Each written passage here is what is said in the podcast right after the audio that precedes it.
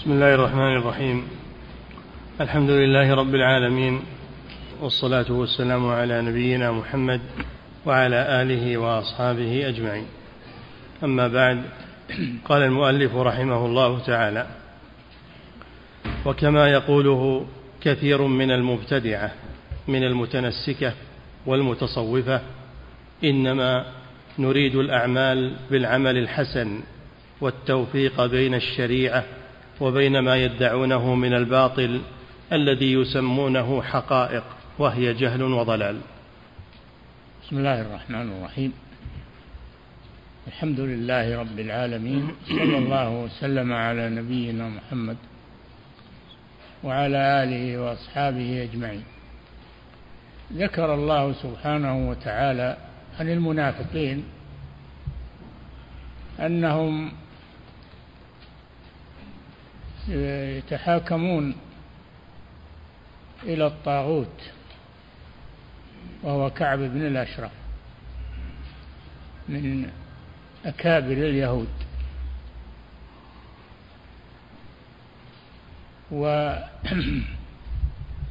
ويتحاكمون إلى رسول الله صلى الله عليه وسلم يجمعون بين هذا وهذا. وإذا قيل لهم في ذلك يحلفون بالله. إن أردنا إلا إحسانا وتوفيقا. نوفق بين هذا وهذا. هل يوفق بين الحق والباطل؟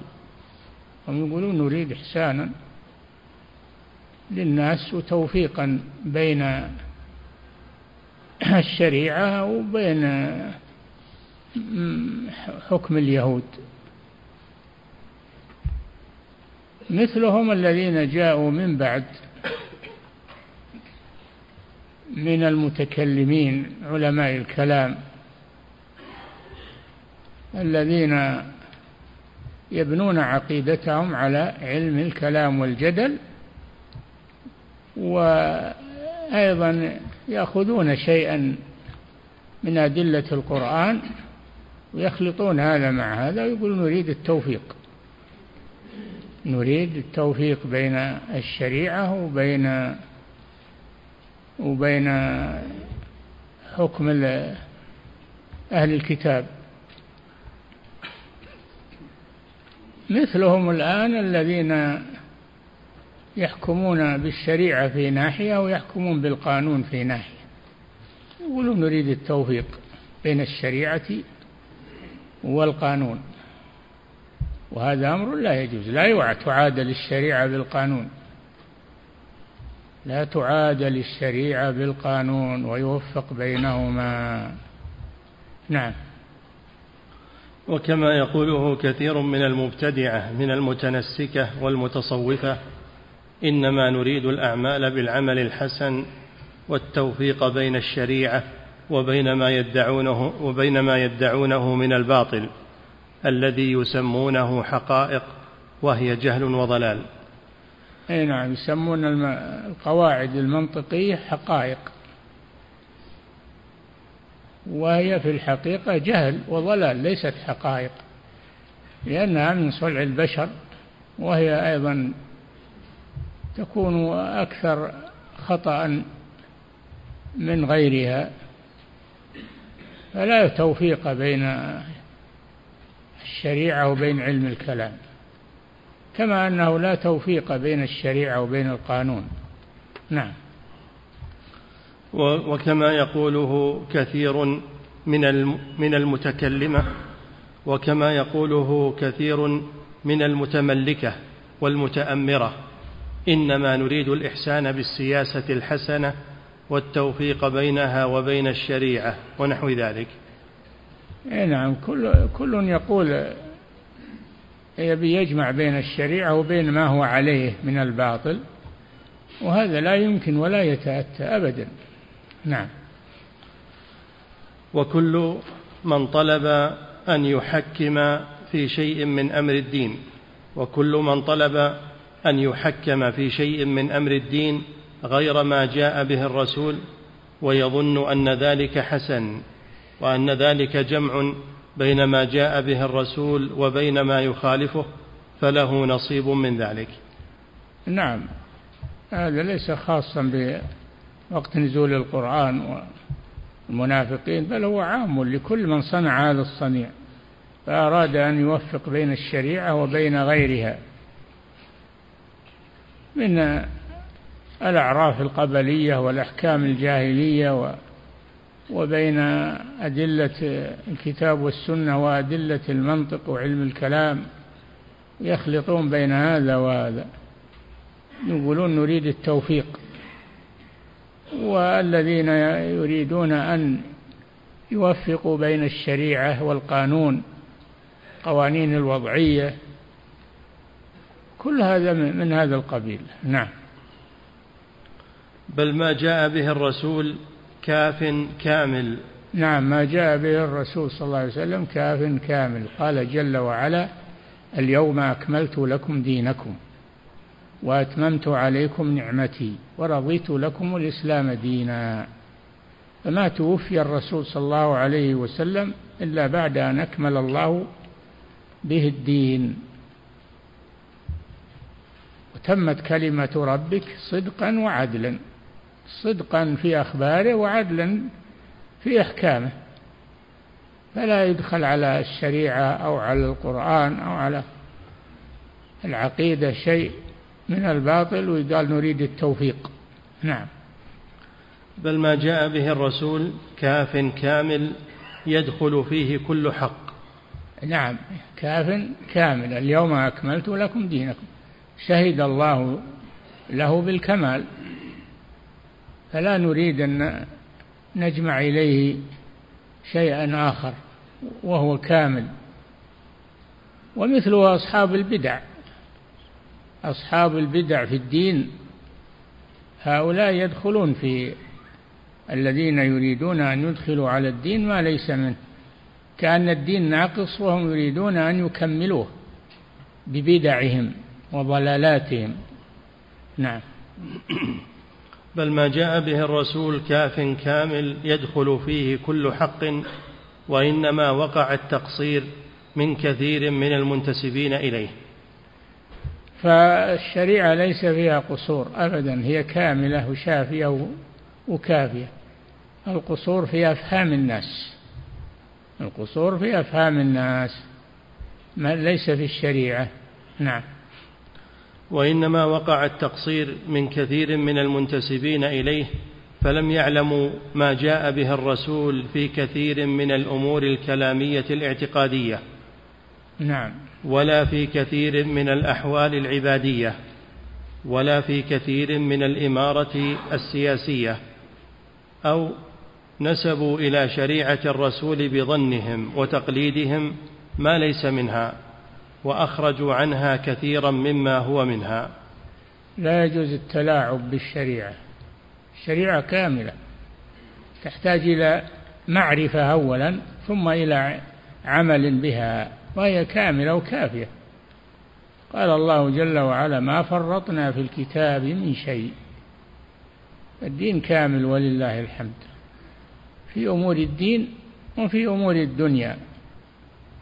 في أمور الدنيا المتعلقة بالشريعة. نعم. وأما أمور الدنيا المتعلقة بالحرف والمهن هذه إلى الناس لأنها ليست من الشريعة وإنما هي من المنافع المطلقة. نعم. فبسبب جهل هؤلاء وضلالهم وتفريطهم وبسبب عدوان أولئك وجهلهم ونفاقهم كثر النفاق ودرس كثير من علم الرسالة.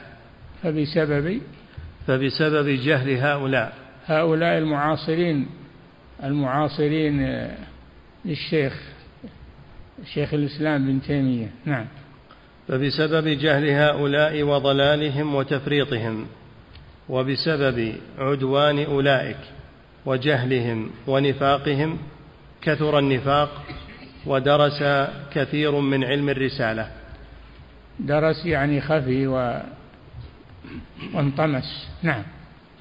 بل البحث التام والنظر القوي والاجتهاد الكامل فيما جاء به الرسول صلى الله عليه وسلم ليعلم ويعتقد ويعمل به ظاهرا وباطنا. الشريعة كاملة لا تحتاج إلى أن يدخل عليها شيء من أحوال الناس وأفكار الناس ولا من علوم السابقين من أهل الكتاب. رأى النبي صلى الله عليه وسلم ورقات من التوراة في يد عمر بن الخطاب رضي الله عنه فغضب صلى الله عليه وسلم. فقال أفي شك أنت يا ابن الخطاب؟ قال يا رسول الله إنما أردت أن تنظر فيها. قال والله لو كان أخي عيسى أخي, أخي موسى حيا ما وسعه إلا اتباعي. موسى الذي أنزلت عليه التوراة نسخت بالقرآن. فالقرآن ناسخ لما قبله. نعم. بل البحث التام والنظر القوي والاجتهاد الكامل فيما جاء به الرسول صلى الله عليه وسلم ليعلم ويعتقد ويعمل به ظاهرا وباطنا فيكون قد تلي حق تلاوته والا يهمل منه شيء. الواجب أن نتفقه في الشريعة ونتعلم الشريعة وهي كافية. دون أن ننظر في في الكتاب السابق من التوراة والإنجيل والزبور وما أنزل على الرسل. هذا العقيدة باقية هي واحدة. وأما في الأمور الفرعية والأحكام الفرعية فإنها نسخت بالقرآن سنة الرسول صلى الله عليه وسلم. نعم. وإن كان العبد عاجزا عن معرفة بعض ذلك أو العمل به فلا ينهى عما عجز عنه مما جاء به الرسول بل حسبه أن يسقط عنه اللوم لعجزه. لكن عليه أن يفرح بقيام غيره به ويرضى بذلك. نعم إذا عجز الإنسان عن آه، مثلا استكمال ما جاءت به الشريعة قصر فهمه عن ذلك فلينسب النقص إلى نفسه وإلى فهمه لا إلى الشريعة حتى يدخل عليها شيئا يزعم أنه يكملها به. الشريعة كاملة والنقص إنما هو في أفهام الناس وفي مدارك الناس. فمن قصر فهمه عن شيء من الشريعة فليعترف بجهله ويقر ويعتقد كمال الشريعة وأنه عجز عن الوصول إلى هذا الشيء الذي قصر عنه فهمه. نعم. وإن كان العبد عاجزا عن معرفة بعض ذلك أو العمل به فلا ينهى عما عجز عنه مما جاء به الرسول بل حسبه أن يسقط عنه اللوم لعجزه لكن عليه أن يفرح بقيام غيره به. ويرضى بذلك ويود أن يكون قائما به. وأن لا يؤمن نعم يفرح بأن هو عجز عن بعض الأحكام الشرعية ولم يتوصل إليها فهمه فيفرح بالعلماء الذين قاموا بذلك وقاموا بما عجز عنه. يفرح بذلك دون أن يحسدهم أو أن يتكلم فيهم. نعم. وأن لا يؤمن وأن لا يؤمن ببعضه ويترك بعضه بل يؤمن بالكتاب كله. أي نعم يؤمن بالكتاب وهو القرآن كله ما فهمه وما لم يفهمه نعم بل يؤمن بالكتاب كله وأن يصان عن أن يدخل فيه ما ليس منه من رواية أو رأي أو يتبع ما ليس من عند الله اعتقادا أو عملا. نعم لا يضيف شيء إلى الشريعة لا إلى القرآن ولا إلى السنة. لا يضيف شيء. حسبه أن يعترف بالعجز ويتوقف عند علمه فقط. يتوقف عند علمه ولا يجحد ما زاد عن فهمه أبدا وإنما يعترف بقصوره وعجزه ويعتقد كمال الشريعة وشمول الشريعة ويعترف لأهل الفضل وأهل العلم ويفرح بما قاموا به من ما جهله هو. نعم. وأن يصان عن أن يدخل فيه ما ليس منه من رواية أو رأي أو يتبع ما ليس من عند الله اعتقادا أو عملا كما قال تعالى ولا تلبسوا الحق بالباطل وتكتموا الحق وأنتم تعلمون. لا تلبسوا الحق بالباطل. تلبس يعني تخلط تخلط الحق مع الباطل. لا تلبسوا الحق بالباطل. نعم وت... وتكتم الحق وأنتم تعلمون. الحق وأنتم تعلمون. تجحدون الحق ولا تبينونه. بسبب أنكم لم تعرفوه بل اعترفوا بقصوركم واعتقدوا كمال الشريعة. وأيضا اعترفوا بفضل من؟ زاد علمه عن علمكم وأحاط بما لم تحيطوا به. إن هذا من التعاون على البر والتقوى. الهدهد قال لسليمان عليه السلام أحطت بما لم تحط به. أحطت بما لم تحط به وجئتك من سبأ من سبأ بنبأ يقين. ما قال له كذبت ولا ما؟ وش أنت يا لا سننظر أصدقت أم كنت من الكاذبين؟ سننظر أصدقت أم كنت من الكاذبين؟ هذا سليمان عليه السلام. نعم. وهذه كانت طريقة السابقين الأولين وهي طريقة التابعين لهم بإحسان إلى يوم القيامة. نعم. وأولهم السلف القديم من التابعين الأولين نعم. ثم أعد. وهذه كانت طريقة السابقين الأولين. من العلماء نعم. سلف هذه الأمة نعم. وهي طريقة التابعين لهم بإحسان إلى يوم القيامة. نعم. وأولهم السلف القديم من التابعين الأولين. نعم. ثم من بعدهم. نعم. ومن هؤلاء. نعم. والذين جاءوا من بعدهم يقولون ربنا اغفر لنا ولإخواننا. الذين سبقونا بالإيمان. ولا تجعل في قلوبنا غلا للذين آمنوا. ربنا إنك رؤوف رحيم. و والذين اتبعوا السلف بإحسان. اتبعوهم بإحسان يعني بعلم ومعرفة و وإتقان لاتباعهم. هذا الواجب. نعم.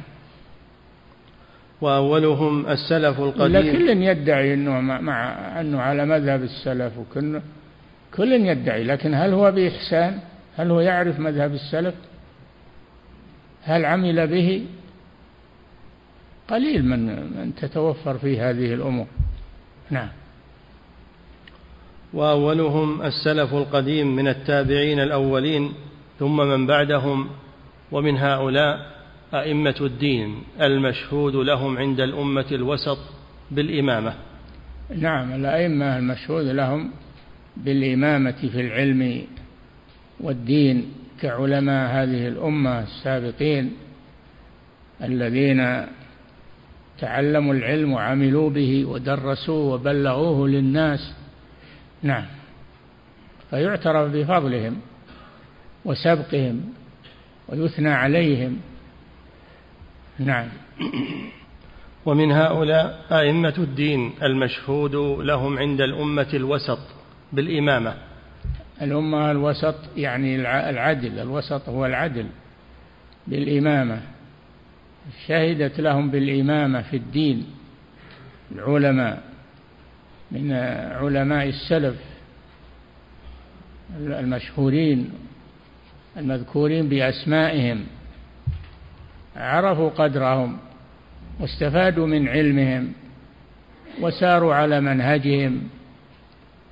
نعم. فعن أبي يوسف رحمه الله تعالى.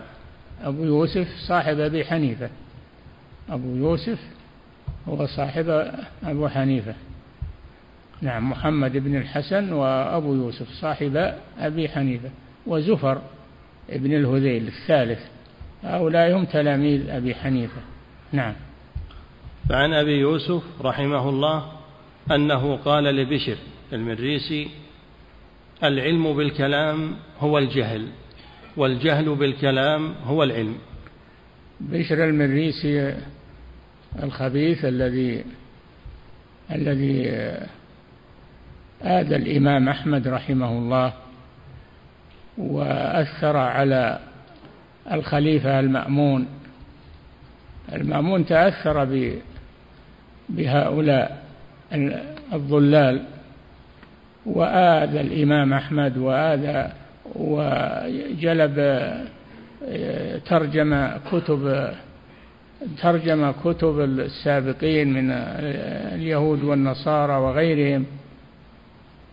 وحصل من هذه الترجمة ضرر عظيم على الإسلام. والمسلمين ولهذا يقول الإمام أحمد لا أظن أن الله ينسى المأمون فقد أدخل في الدين ما ليس منه. نعم.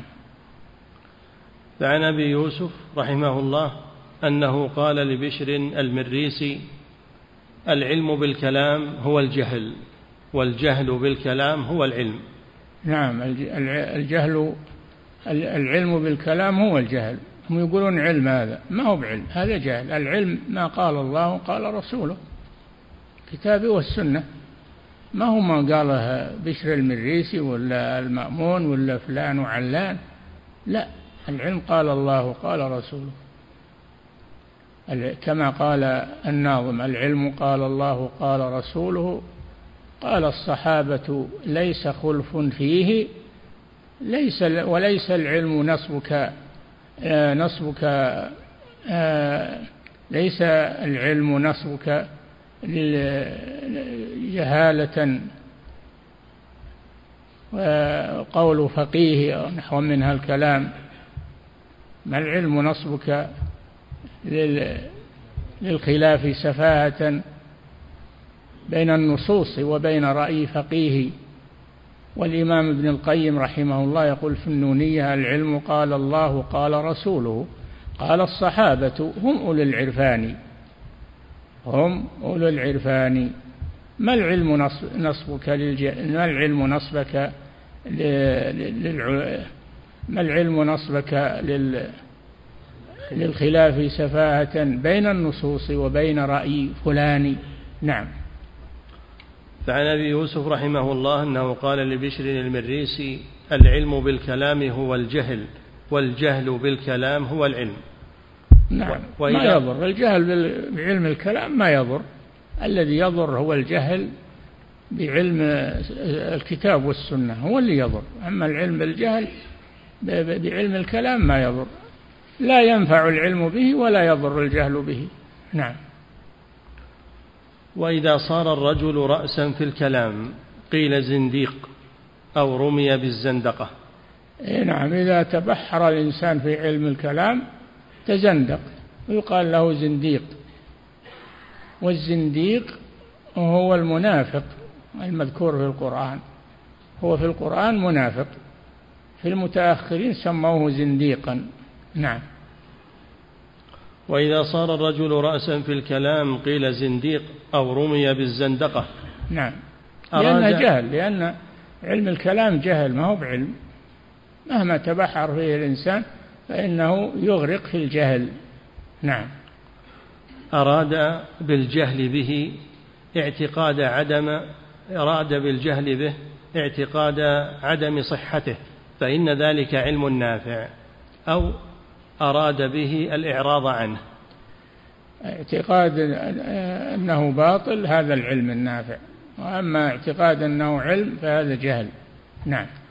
أراد بالجهل به اعتقاد عدم صحته فإن ذلك علم نافع أو أراد به الإعراض عنه وترك الالتفات إلى اعتباره فإن ذلك يصون علم الرجل وعقله فيكون علما بهذا الاعتبار والله أعلم. نعم. وعنه أيضا أنه قال عن أبي يوسف نعم. وعنه أيضا أنه قال من طلب العلم بالكلام تزندق. إي نعم لأنه يصرف عن الحق. علم الكلام يصرف عن الحق. لأنه ليس من الكتاب والسنة وإنما هو جدل وقيل وقال و... نعم. ومن طلب المال بالكيمياء أفلس. الكيمياء اللي تلبس على الناس الأشياء على غير حقيقتها. نعم. ومن طلب غريب الحديث كذب. نعم غريب الحديث آه، الذي لم يثبت عن رسول الله صلى الله عليه وسلم كذب في ذلك. الموضوعات الأحاديث هذه يجب على الإنسان أن يعتقد بطلانها ويجتنبها ولا يعمل بها. نعم.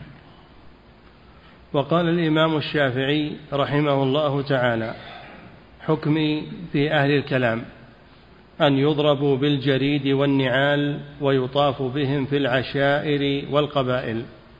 ويقال هذا جزاء من ترك الكتاب والسنة وأقبل على الكلام. أقبل على الكلام يعني على علم الكلام. لم يتعلم القرآن والسنة وإنما تعلم علم الكلام وعلم المنطق والمقدمات والنتائج وما أشبه ذلك. هذا جهل وضلال وليس علما. نعم. حكم الشافعي فيهم أنهم يضربون بالجريد والنعال مع أنهم يعتقدون أنهم علماء وأن يطاف بهم في العشائر إشهارا بهم. يضربون ويطاف بهم في العشائر. ويقال هذا جزاء من أعرض عن الكتاب والسنة واشتغل بعلم الكلام. نعم. وقال أيضا رحمه الله تعالى كل العلوم سوى القرآن مشغلة إلا الحديث وإلا الفقه في الدين. العلم ما كان فيه قال حدثنا وما سوى ذاك وسواس الشياطين. هذا من شعر الإمام الشافعي لأن الإمام الشافعي شاعر. شاعر عظيم ولغوي أيضا حجة في اللغة لأنه طاف في القبائل وتلقى اللغة العربية عن العرب الفصحى. نعم. كل العلوم سوى القرآن مشغلة إلا الحديث وإلا الفقه في الدين. العلم ما كان فيه قال حدثنا. علم و... الإسناد يعني. نعم. وما سوى ذاك وسواس الشياطين. نعم من خرج عن العلم الصحيح راح الوسواس الشياطين. نعم. وذكر الأصحاب في الفتاوى أنه لو أوصى لعلماء بلده لا يدخل المتكلمون. لو أوصى شخص للعلماء في بلده لم يذهب هذا هذه الوصية إلا لعلماء الكتاب والسنة ولا يعطى منها علماء الكلام لأنهم ليسوا علماء وهو موصل للعلماء. نعم. ولو أوصى إنسان أن يوقف من كتبه ما هو من كتب العلم فأفتى السلف أن يباع ما فيه من كتب الكلام. اي نعم تباع لأنها ليست بعلم. إنما هي أوراق وضلالات. وأما كتب العلم تأخذها الوصية لا تباع لأنها علم. نعم. ذكر ذلك بمعناه في الفتاوى الظهيرية. فكيف يرام الوصول إلى علم الأصول؟ فتاوى الظاهرية من كتب الف... من كتب الحنفية. نعم. فكيف يرام الوصول إلى علم الأصول بغير اتباع ما جاء به الرسول؟ نعم. ولقد أحسن القائل أيها المغتدي ليطلب علما كل علم عبد لعلم الرسول تطلب الفرع كي تصحح أصلا كيف أغفلت علم أصل الأصول؟ اي نعم إذا أردت تطلب العلم اطلب علم الرسول صلى الله عليه وسلم ولا تطلب علم الكلام والمنطق وما أشبه ذلك. هذا ليس بعلم هذا جهل. نعم. ونبينا صلى الله عليه وسلم أوتي فواتح الكلم وخواتمه وجوامعه. نعم الرسول صلى الله عليه وسلم أوتي جوامع الكلم وفصل الخطاب عليه الصلاة والسلام.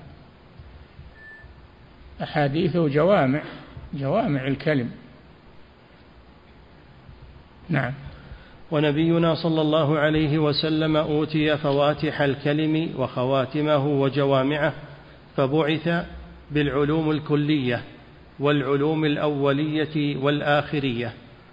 نعم دينه كامل وشرعه كامل عليه الصلاة والسلام لأنه وما ينطق عن الهوى إن هو إلا وحي يوحى فكلامه وحي عليه الصلاة والسلام. وحي من الله. وما ينطق عن الهوى إن هو إلا وحي يوحى. ولذلك يسمون السنة الوحي الثاني بعد القرآن. نعم. فبعث بالعلوم الكلية والعلوم الأولية والآخرية على أتم الوجوه ولكن كلما ابتدع شخص بدعة اتسعوا في جوابها. فلذلك صار كلام المتأخرين كثيرا قليل البركة. نعم. فلذلك حافظ ابن رجب رحمه الله يقول آه، الأولون قليل الكلام كثير العلم. والمتأخرون كثير الكلام قليل العلم. نعم. ولكن كلما ابتدع شخص بدعة اتسعوا في جوابها فلذلك صار كلام المتأخرين كثيرا قليل البركة بخلاف كلام المتقدمين. قليل البركة يعني قليل الفائدة. نعم. بخلاف كلام المتقدمين فإنه قليل كثير البركة. نعم. لا كما يقول هذا معنى كلام هذا معنى الكلام الذي ذكرته لكم. نعم. لا كما يقوله ضلال المتكلمين وجهلتهم. إن طريقة القوم أسلم وإن طريقتنا أحكم وأعلم. نعم هذه العبارة الخاطئة. يقولون طريقة السلف أسلم وطريقة طريقة السلف أسلم وطريقة الخلف أعلم وأحكم. هذا كلام باطل. بل طريقة السلف هي الأسلم والأعلم والأحكم. نعم. لا كما يقوله ضلال المتكلمين وجهلتهم إن طريقة القوم أسلم وإن طريقتنا أحكم وأعلم. وكما يقوله من لم, يقد من لم يقدرهم قدرهم من المنتسبين إلى الفقه إنهم لم يتفرغوا لاستنباطه. وضبط وضبط قواعده وأحكامه اشتغالا منهم بغيره والمتأخرون تفرغوا لذلك فهم أفقه. كل هذا كلام باطل بل السابقون حفظوا النصوص وعرفوا فقهها ولم يبقى عليهم نقص في علمهم. بينما المتأخرون كثير كلامهم قليل قليلة فائدتهم. نعم. فكل هؤلاء محجوبون عن معرفة مقادير السلف وعمق علومهم وقلة تكلفهم وكمال بصائرهم. نعم. وتالله ما امتاز عنهم المتأخرون إلا بالتكلف والاشتغال بالأطراف التي كانت همة القوم مراعاة أصولها وضبط قواعدها وشد معاقدها وهممهم مشمرة إلى المطالب العالية في كل شيء فالمتأخرون في شأن والقوم في شأن آخر وقد جعل الله لكل شيء قدرا. نعم. وقد شرح هذه العقيدة غير واحد من العلماء. عقيدة الطحاوي يعني. نعم. وقد شرح هذه العقيدة غير واحد من العلماء ولكن رأيت بعض الشارحين قد أصغى إلى أهل الكلام المذموم واستمد منهم وتكلم بعباراتهم. والسلف لم يكرهوا التكلم بالجوهر والجسم والعرض ونحو ذلك لمجرد كونه اصطلاحا جديدا على معان صحيحة كالاصطلاح على ألفاظ لعلوم صحيحة ولا كرهوا أيضا الدلالة على الحق والمحاجة لأهل الباطل بل كرهوه لاشتماله على أمور كاذبة مخالفة للحق. نعم. بل كرهوه لاشتماله على أمور كاذبة مخالفة للحق ومن ذلك مخالفتها للكتاب والسنة. ولذلك ولهذا لا تجد عند أهلها من اليقين والمعرفة ما عند عوام المؤمنين فضلا عن علمائهم. إي نعم عوام المؤمنين أحسن من علماء الكلام. لأن عوام المؤمنين بقيت لهم آه، معرفتهم الجملة معرفتهم للحق بالجملة. وبقي أنهم سلموا من الجدل ومن المنطق ومن على على سليقتهم الأصيلة. وهؤلاء يغرقوا في هذه المستنقعات فتلوثوا بها. نعم. ولاشتمال مقدماتهم على الحق والباطل كثر المراء والجدال. وانتشر القيل والقال وتولد لهم عنها من الأقوال المخالفة للشرع الصحيح والعقل الصريح ما يضيق عنه المجال وسيأتي لذلك زيادة بيان عند قوله فمن رام علم ما حضر عنه ما حضر عنه علمه وقد أحببت أن أشرحها سالكا طريق السلف في عباراتهم.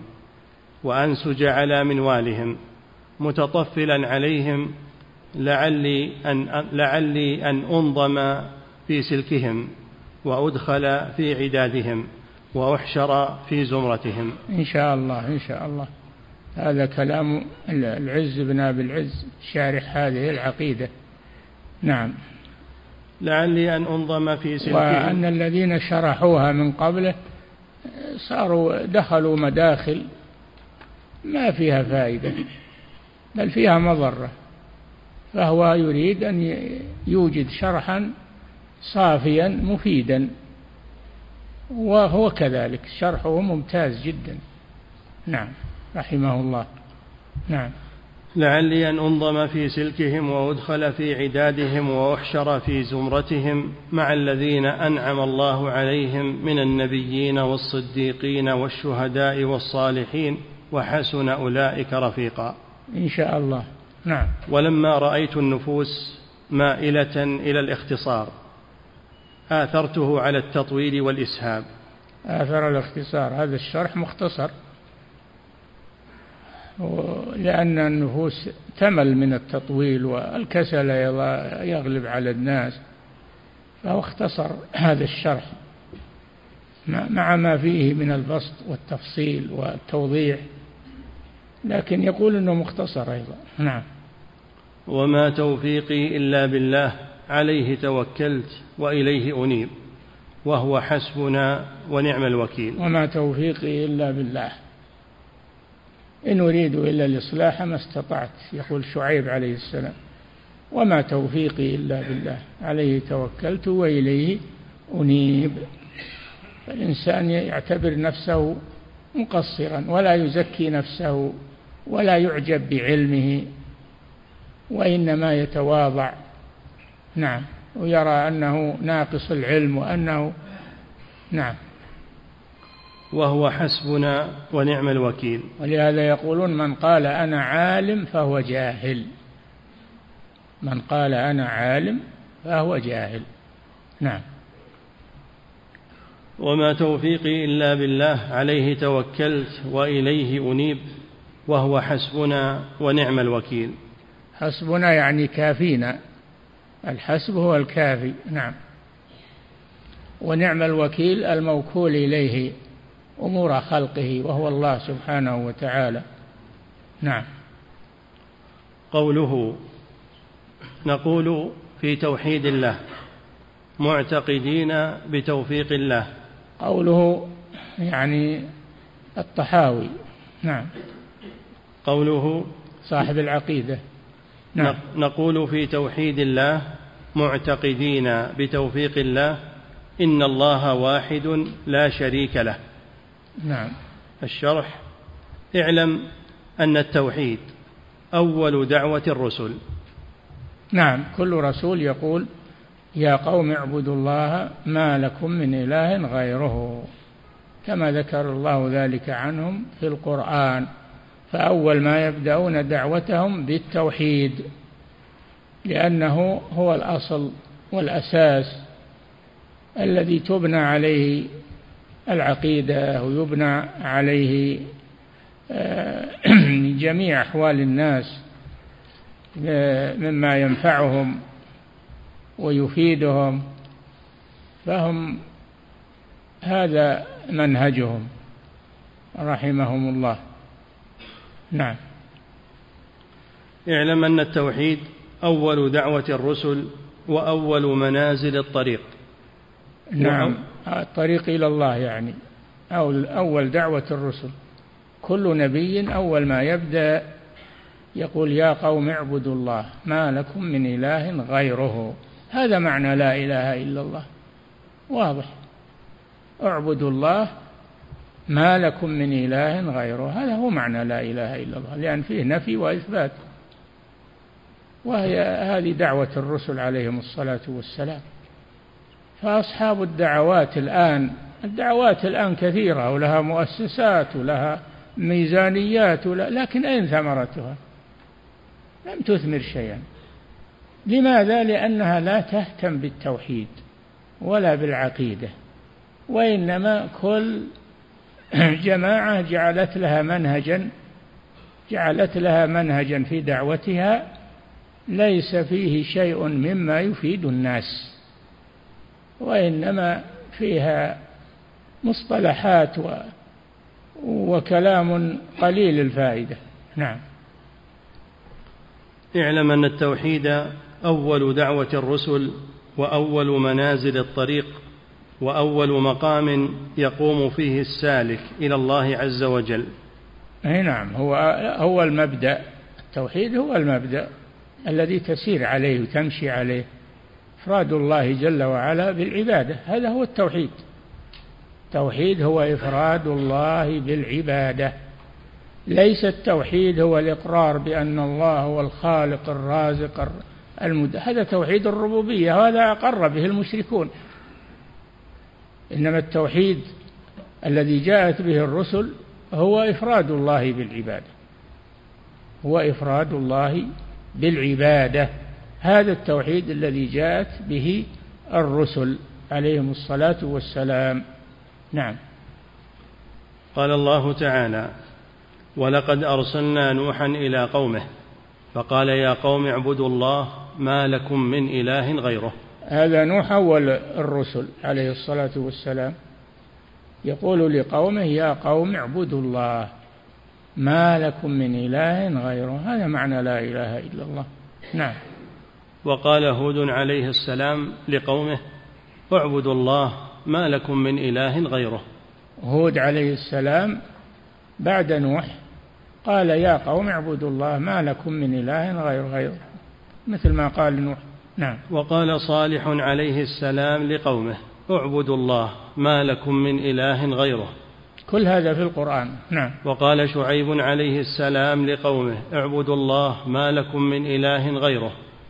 وقال تعالى ولقد بعثنا في كل أمة رسولا أن اعبدوا الله واجتنبوا الطاغوت. نعم فجميع الرسل قالوا هذا اعبدوا الله واجتنبوا الطاغوت. طاغوت هو ما عبد من دون الله عز وجل. كائنا من كان ملك أو نبي أو شجر أو حجر هو ما قد لا يكون هو في نفسه طاغوت لكن الطاغوت الشيطان فالذين عبدوا آه، عبدوا الملائكة والأولياء الصالحين ما عبدوهم حقيقة إنما عبدوا الشيطان الذي أمرهم بذلك. الذي أمرهم بذلك. ولهذا يقول المسيح عليه السلام يوم القيامة إذا سأله الله أنت قلت للناس اتخذوني وأمي إلهين من دون الله؟ قال سبحانه ما يكون لي أن أقول ما ليس لي بحق. إن كنت قلته فقد علمته تعلم ما في نفسي ولا أعلم ما في نفسك. إنك أنت علام الغيوب. ما قلت لهم إلا ما أمرتني به أن اعبدوا الله ربي وربكم. هكذا. هذا الذي دعا إليه عيسى عليه السلام. نعم. وقال تعالى وما أرسلنا من قبلك من رسول إلا نوحي إليه أنه لا إله إلا أنا فاعبدون. إذا كل الرسل جاءوا بلا إله إلا الله. وما أرسلنا من قبلك من رسول. كل الرسل. وما أرسلنا من قبلك من رسول إلا نوحي إليه أنه لا إله إلا أنا فاعبدون. كلهم بعثوا بهذه الكلمة لا إله إلا الله. نعم. وقال صلى الله عليه وسلم أمرت أن أقاتل الناس حتى يشهدوا أن لا إله إلا الله وأن محمد رسول الله. أمرت أن أقاتل الناس يعني الكفار حتى يشهدوا أن لا إله إلا الله. ما قال حتى يقروا أن الله هو الخالق الرازق المحيي هم مقرون بهذا لكن حتى يقولوا لا إله إلا الله. نعم لأنهم لا يقولون لا إله إلا الله ولا يعترفون بها. لما قال لهم قولوا لا إله إلا الله ماذا قال؟ قالوا أجعل الآلهة إلها واحدا إن هذا لشيء عجاب. نعم. ولهذا كان الصحيح أن أول واجب يجب على المكلف شهادة أن لا إله إلا الله. أي نعم. لأن في من يقول أول واجب على المكلف أن يشك ثم يستدل على الله جل وعلا بالأدلة. لا كل مولود يولد على الفطرة. هو معترف بهذا. ما يحتاج إنه ما يحتاج إنه يقال له مثلا من من ربك ومن؟ هو يعرف هذا. لكن عليك أن تعلمه. كيف يعبد الله؟ كيف يصلي؟ كيف؟ مروا أولادكم بالصلاة لسبع. اضربوهم عليها لعشر. فرقوا بينهم في المضاجع. علموهم والا هم عارفين فطرتهم. فأقم وجهك للدين حنيفا. فطرة الله التي فطر الناس عليها. لا تبديل لخلق الله. ذلك الدين القيم. ولكن أكثر الناس لا يعلمون. الناس مفطورون على معرفة الله عز وجل. لكن يحتاجون إلى من يعلمهم ويبين لهم كيف يعبدون الله كيف يطيعونه. نعم. الفطرة ما تكفي وحدها. لابد من تعليم. نعم. ولهذا كان الصحيح أن أول واجب يجب على المكلف شهادة أن لا إله إلا الله لا النظر ولا القصد إلى النظر ولا الشك. اي نعم في هذه أقوال علماء الكلام الواجب يكون أول واجب آه، النظر إنه ينظر في المخلوقات وينظر حتى يعرف أن هناك خالقا وهناك. الفطرة تكفي في هذا مفطور على هذا ما يحتاج أنه ينظر. بعضهم يقول القصد إلى النظر. القصد إلى النظر. بعضهم يقول يشك ثم يستدل حتى يصل إلى معرفة الحق. كل هذه أقوال باطلة. إنسان مولود على الفطرة ما يحتاج إلى هذه الأمور هذه. نعم. ما عليه إلا أنه يعلم الصلاة و وأحكام الإسلام يعلم إياه. ولا هو عنده الفطرة؟ نعم سليمة. نعم. لا النظر ولا القصد إلى النظر ولا الشك كما هي أقوال لأرباب الكلام المذموم. نعم. بل أئمة السلف كلهم متفقون على أن أول ما يؤمر به العبد الشهادتان. نقف عند هذا. بل نعم.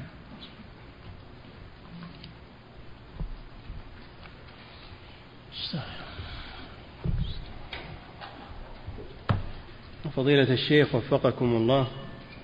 هذا سائل يقول ما حكم التسمي بأهل السنة والجماعة؟ لأن هناك من يقول إن هذه التسمية لا أصل لها وإن الذي ورد هو التسمي بالمسلمين لقوله هو سماكم المسلمين. هذا هو الذي لا أصل له. اللي يقول هالكلام هو الذي لا أصل له. لا التسمي بأهل السنة والجماعة. الله جل وعلا يقول آه، وأنا من المسلمين. وأنا يقول لعبده أن يقول وأنا من المسلمين. وأنا من المسلمين. نعم. ينتسب إلى المسلمين. نعم. فضيلة الشيخ قولا ممن دعا إلى الله وعمل صالحا وقال إنني ها من المسلمين. نعم. فضيلة الشيخ وفقكم الله هذا سائل يقول كيف نرد على زعم بعض المسلمين الذين يسكنون في بلاد الغرب من أن بعض شرائع الإسلام غير غير مناسبة لزمانهم وبلدانهم. نسأل الله العافية. ولذلك أوجب الله عليهم الهجرة إلى بلاد الإسلام. إذا كانوا يقدرون على الهجرة يجب عليهم أن لا يجلسوا ولا ساعة في بلاد الكفر. إذا كانوا ما يقدرون على الهجرة يتمسكون بدينهم ويتعلمون دينهم يتمسكون به إلى أن يقدروا على الهجرة. نعم. فضيلة الشيخ وفقكم الله ما التوجيه والرد على من يدعي إن الأحكام الوضعية هي الأنسب للناس في وقتنا المعاصر الأحكام الوضعية اللي هي القانون أنسب للناس يعني نترك الدين ونأخذ بالقانون. هذا أعظم الكفر والعياذ بالله. نعم. فضيلة الشيخ وفقكم الله وهذا سائل يقول هل هناك قوانين مستوحاة من الشريعة ومصدرها القرآن والسنة كما يسمى بمقاصد الشريعة؟ قوانين؟ نعم. ما تسمى قوانين تسمى مقاصد الشريعة. تسمى مقاصد الشريعة. نعم. فضيلة الشيخ وفقكم الله هذا سائل يقول هل ثبت نسبة كتاب الحيدة والذي فيه مناظرة بين عبد العزيز الكناني في رده على بشر المريسي؟ أي نعم ثابت هذا. ثابت وهو حجة على هؤلاء ولذلك يشككون فيه. وله ثابت. مناظرة عبد العزيز الكناني البشر المريسي معروفة. نعم. فضيلة الشيخ وفقكم الله. هذا سائل يقول يقول كثرت الشاشات والمواقع بأصحاب العمائم واللحى كيف أستطيع أن أعرف العالم السلفي من غيره؟ تعرف العالم من كلامه ومن دروسه ومن علمه الذي ينشره في الناس. ما هو بعالمه بس لا العالم يصير ينشر علمه ويبين للناس ويدرس ويدعو إلى الله على بصيرة. نعم. فضيلة الشيخ وفقكم الله هذا سائل يقول هل هذه الآية وهي قوله سبحانه وتعالى اليوم أكملت لكم دينكم وأتممت عليكم نعمتي هل هي آية آخر آية نزلت من القرآن الكريم؟ إي نعم هي نزلت يعني في حجة الوداع نزلت على الرسول في عرفة وهو واقف بعرفة ولم يعش بعدها إلا شهرين وأياما توفي عليه الصلاة والسلام نعم فضيلة الشيخ وفقكم الله هذا السائل يقول من خارج هذه البلاد يقول في بلادي هناك لا تحكم الشريعة بل إنما تحكم الأحكام الوضعية عكس هذه البلاد المباركة الطيبة. يقول ما واجبنا كطلبة علم إذا ذهبنا هناك تجاه هذه الأحكام الوضعية؟ ادعوا إلى الله وبينوا للناس لعل الله أن ينفع بكم خصوا الولاة الولاة اذهبوا إليهم ناصحوهم لعل الله أن يهديهم. فإن الوالي إذا هداه الله هدى الله على يديه الخلق الكثير. نعم. فضيلة الشيخ وفقكم الله. هذا سائل يقول هل ما, ندر هل ما ندرسه في علم أصول الفقه من كلام أهل المنطق؟ هل هو من الكلام المذموم؟ لا هذه قواعد يستفاد منها. قواعد. في أصول الفقه يستفاد منها استنباط الأحكام. تساعدك على استنباط الأحكام تفصيلية من آه، استنباط الأحكام العملية من أدلتها التفصيلية. تساعدك على هذا. نعم. فضيلة الشيخ وفقكم الله هذا سائل يقول هل هناك فرق بين العقيدة والمنهج؟ فيقال بأن فلان عقيدته سلفية لكن منهجه غير سلفي؟ ما يصير هذا ما يصير منهجه غير سلفي ويصير عقيدته سلفية. لازم يكون عقيدته ومنهجه سلفيا حتى يكون سلفيا. نعم. فضيلة الشيخ وفقكم الله أليس هذا السائل يقول أليس المراد بعلم الكلام؟ هو الغوص في المعاني واستنباط الأحكام من القرآن والسنة؟ لا ما هو هذا علم الكلام. علم الكلام علم المنطق والجدال نعم. فضيلة الشيخ وفقكم الله هذا سائل يقول ما حكم أو ما الرأي في من يقول لا تحذر من أهل الأهواء والبدع لأنك إن فعلت ذاك فسوف يتكلم فيك الناس ويقولون إنك تتكلم في أهل الخير. تكلموا في الرسول صلى الله عليه وسلم قالوا ما قالوا. تكلموا في العلماء والدعاة إلى الله وما وما وما تأثر بذلك العالم والداعية إلى الله. ما يلتفت للناس وما جاء يبي الناس يمدحونه. هو جاي يبي الناس يهتدون.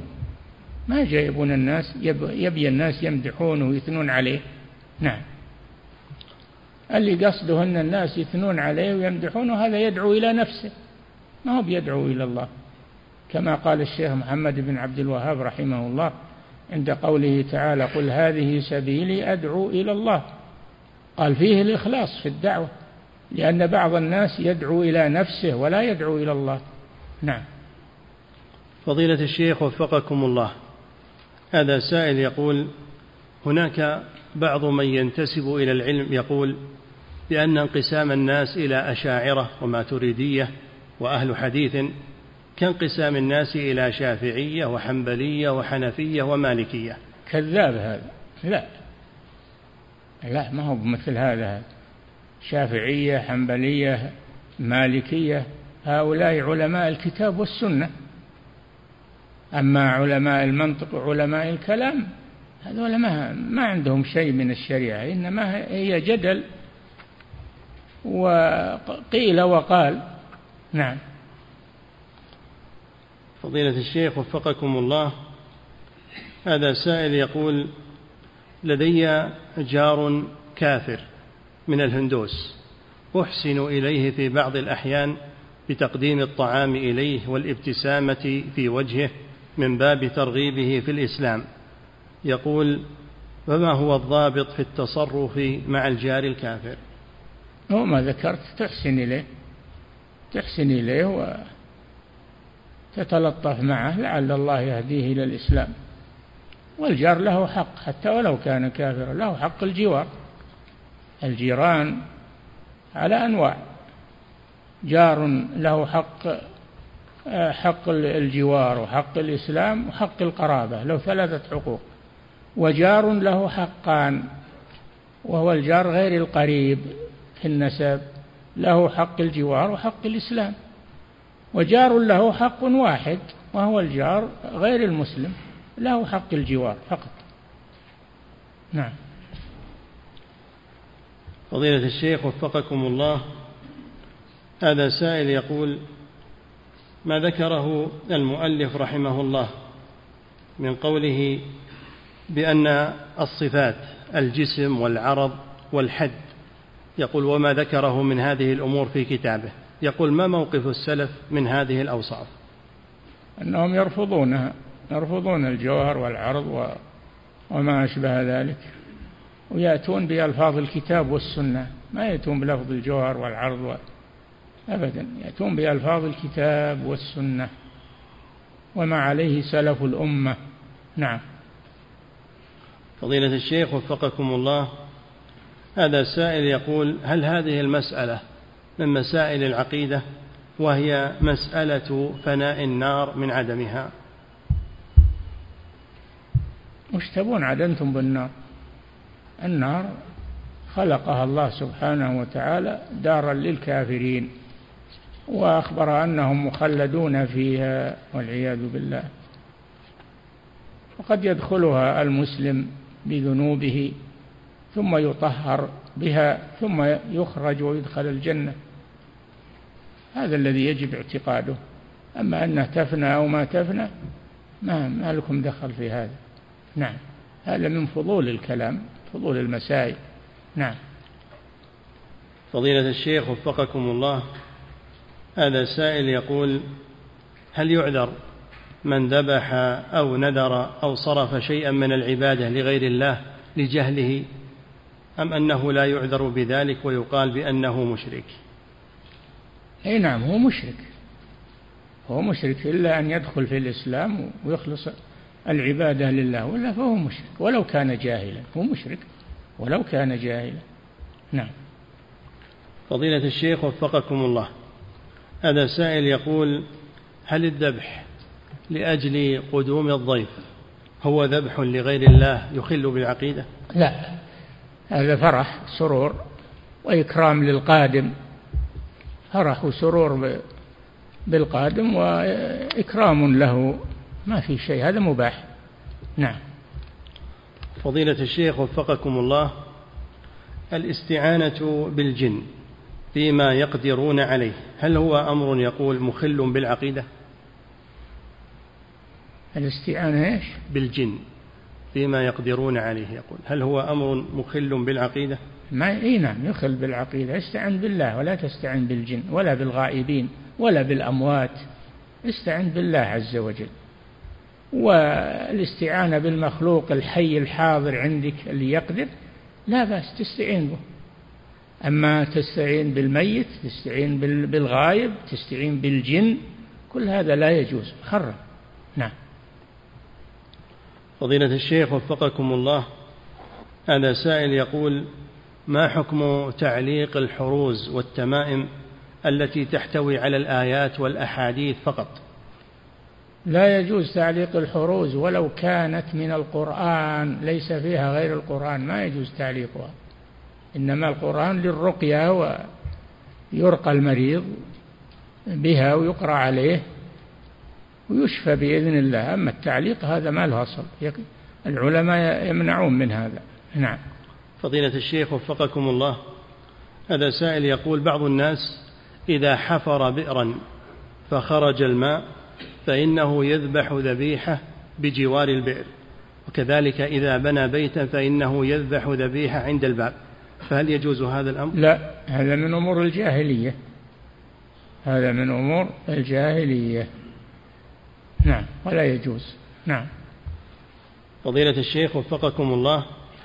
وهذا سائل يقول عند إرادة صلاة الاستسقاء فهل يشرع للإنسان أن يذبح ذبيحة لله عز وجل ويوزعها على الفقراء ثم يستسقي؟ ما ورد هذا. هذا ما ورد. يتصدق؟ نعم يتصدق. عنده لحم يتصدق أما أنه يذبح لا. لكن عنده لحم يتصدق من, من اللحم يتصدق من الطعام يتصدق من الملابس. طيب نعم. فضيلة الشيخ وفقكم الله هذا سائل يقول جاء في الحديث عن رسول الله صلى الله عليه وسلم أن من قال لا إله إلا الله دخل الجنة وأنه محرم على النار. يقول هل المقصود مجرد القول دون عمل؟ هذا إذا لم يتمكن من العمل إذا قالها ثم مات ولم يتمكن من العمل. أما من قالها وتمكن من العمل وعاش ولم يعمل لا تنفعه لا إله إلا الله. نعم. فضيلة الشيخ وفقكم الله هذا سائل يقول هل يشرع للمسلم أن يتخصص في دراسة القوانين الوضعية؟ لا. تخصص في علوم الشريعة ولا يتخصص في القوانين الوضعية. نعم. فضيلة الشيخ وفقكم الله هذا سائل يقول هل ينصح إمام المسجد بأن يقرأ على جماعته بعد الصلوات أحيانا ما يتعلق بأحكام التوحيد؟ طيب. يقرأ عليهم بالتوحيد يقرأ عليهم بالفقه يقرأ عليهم بالأحاديث وهو الغالب أنه يقرأ عليهم من الترغيب والترهيب ويقرأ عليهم من رياض الصالحين ليستفيدوا من الحديث حديث الرسول صلى الله عليه وسلم. نعم.